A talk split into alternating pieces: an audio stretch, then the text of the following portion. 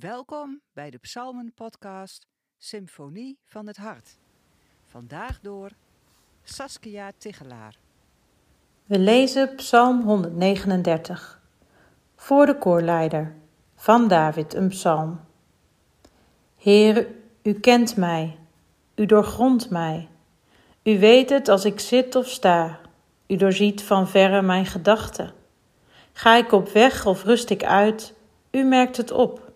Met al mijn wegen bent u vertrouwd.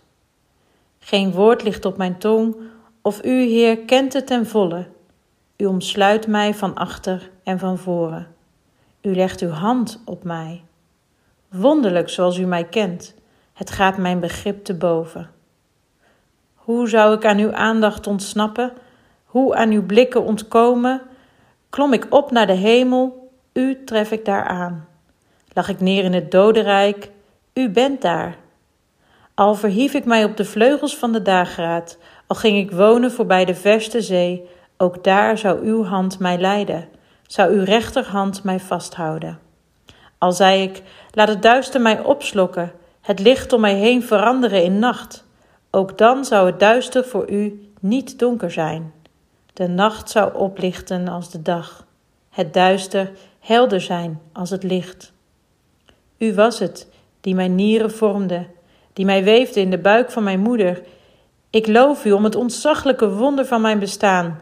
Wonderbaarlijk is wat u gemaakt heeft. Ik weet het tot in het diepst van mijn ziel. Toen ik in het verborgene gemaakt werd, kunstig geweven in de schoot van de aarde, was mijn wezen voor u geen geheim. Uw, uw ogen zagen mijn vormeloos begin. Alles werd in uw boekrol opgetekend. Aan de dagen van mijn bestaan ontbrak er niet één. Hoe rijk zijn uw gedachten, God, hoe eindeloos in aantal, ontelbaar veel, meer dan er zand is bij de zee. Ontwaak ik, dan nog ben ik bij u. God, breng toch de goddelozen om. Weg uit mijn ogen, jullie die bloed vergieten. Ze spreken kwaadaardig over u. Uw vijanden misbruiken uw naam. Zou ik niet haten wie u haten, Heer? Niet verachten wie tegen u opstaan? Ik haat hen zo fel als ik haten kan. Ze zijn ook mijn vijand geworden. Doorgrond mij, God, en ken mijn hart. Peil mij, weet wat mij kwelt. Zie of ik geen verkeerde weg ga en leid mij op de eeuwige weg.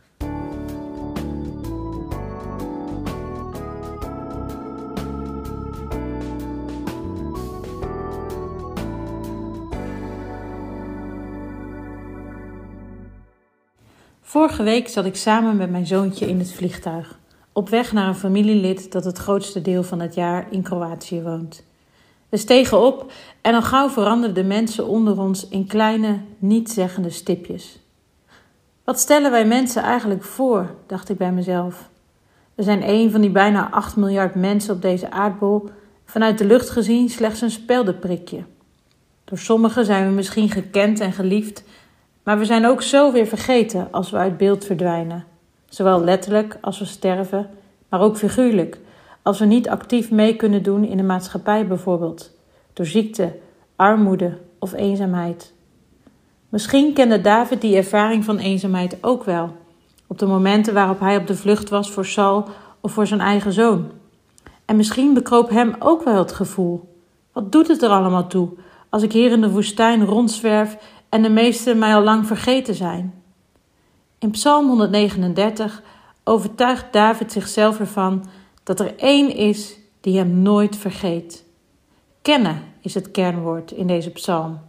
Maar liefst zeven keer komt het terug, namelijk in de versen 1, 2, 4, 6, 14 en 23. De dichter weet zich door God gekend en op zijn beurt kent hij ook de Heer. Het Hebreeuwse woord voor kennen dat hij in vers 1 en 23 gebruikt, duidt op de bijzondere relatie die God met zijn volk heeft. Eenzelfde soort uitspraak lezen we in Amos 3, vers 2. De Heere kent Israël. Dat wil zeggen dat hij een unieke relatie heeft met zijn volk. Hij kent ook mensen als Abraham, Mozes en Jeremia, die hij uitverkoren heeft. Het is bijna niet te geloven maar God is wel degelijk geïnteresseerd in die ene mens, David. En als het voor hem geldt, geldt het ook voor ons. God kent ook jou. Al lang voordat je enig besef had van het bestaan van God, dacht hij al vol liefde aan jou. Al je haren op je hoofd zijn geteld, zegt ook Jezus in Matthäus 10, vers 30, als hij zijn leerlingen ervan overtuigt dat ze zich geen zorgen hoeven te maken. Hij is op de hoogte van al je gedachten en van al je doen en laten. Hoewel dat aan de ene kant bemoedigend en vertroostend is, kan het ook wel een beetje beklemmend zijn. Ik heb er in ieder geval een hekel aan, aan bijvoorbeeld Google, die precies weet wie ik ben, waar ik van hou en waar ik ben. Misschien is dat ook wel de reden waarom David daarna in de versen 7 tot en met 12 manieren verwoordt waarop hij aan Gods aandacht zou kunnen ontsnappen. Maar al zijn pogingen zouden op niets uitlopen.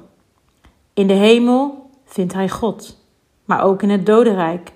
Al ging hij wonen voorbij de verste zee, ook daar zou Gods hand hem leiden en zou zijn rechterhand hem vasthouden. Zelfs in de donkerste duisternis schijnt Gods licht. God is niet alleen alwetend, hij is ook alomtegenwoordig. De profeet Jona dacht ook aan Gods aandacht te kunnen ontsnappen, maar ook zijn poging was te vergeefs. Gelukkig maar dat God genadig is, liefdevol en trouw. Vol geduld gaat hij met ons om en helpt hij ons om te leren van onze fouten. Als hij ons inderdaad af zou keuren op de kennis die hij heeft van onze gedachten en ons op basis daarvan aan de kant zou zetten, ja, dan zou het inderdaad wel beangstigend zijn dat hij alles van ons weet. Maar is het niet juist bemoedigend dat hij ons goed kent en dat hij toch betrokken blijft op ons leven, zelfs als wij van hem weglopen en dingen denken of doen die het daglicht niet kunnen verdragen? We hoeven geen geheimen voor hem, hem te hebben. Hij weet het toch allemaal al. David eindigt de psalm dan ook met een gebed. Heer, doorgrond mij en ken mijn hart. Peil mij, weet wat mij kwelt. Zie of ik geen verkeerde weg ga en leid mij op de eeuwige weg. Morgen vlieg ik weer terug naar Nederland. En als ik dan bij het naar beneden gaan, eh, bij het dalen, naar beneden kijk, dan denk ik eraan dat ik geen niet-zeggend stipje op de wereldkaart ben, maar dat ik geliefd ben en gekend door God. Hij zegent mij. Hij legt zelfs zijn handen op mij. Niets is verborgen voor Hem en daarom leg ik alles open voor Hem.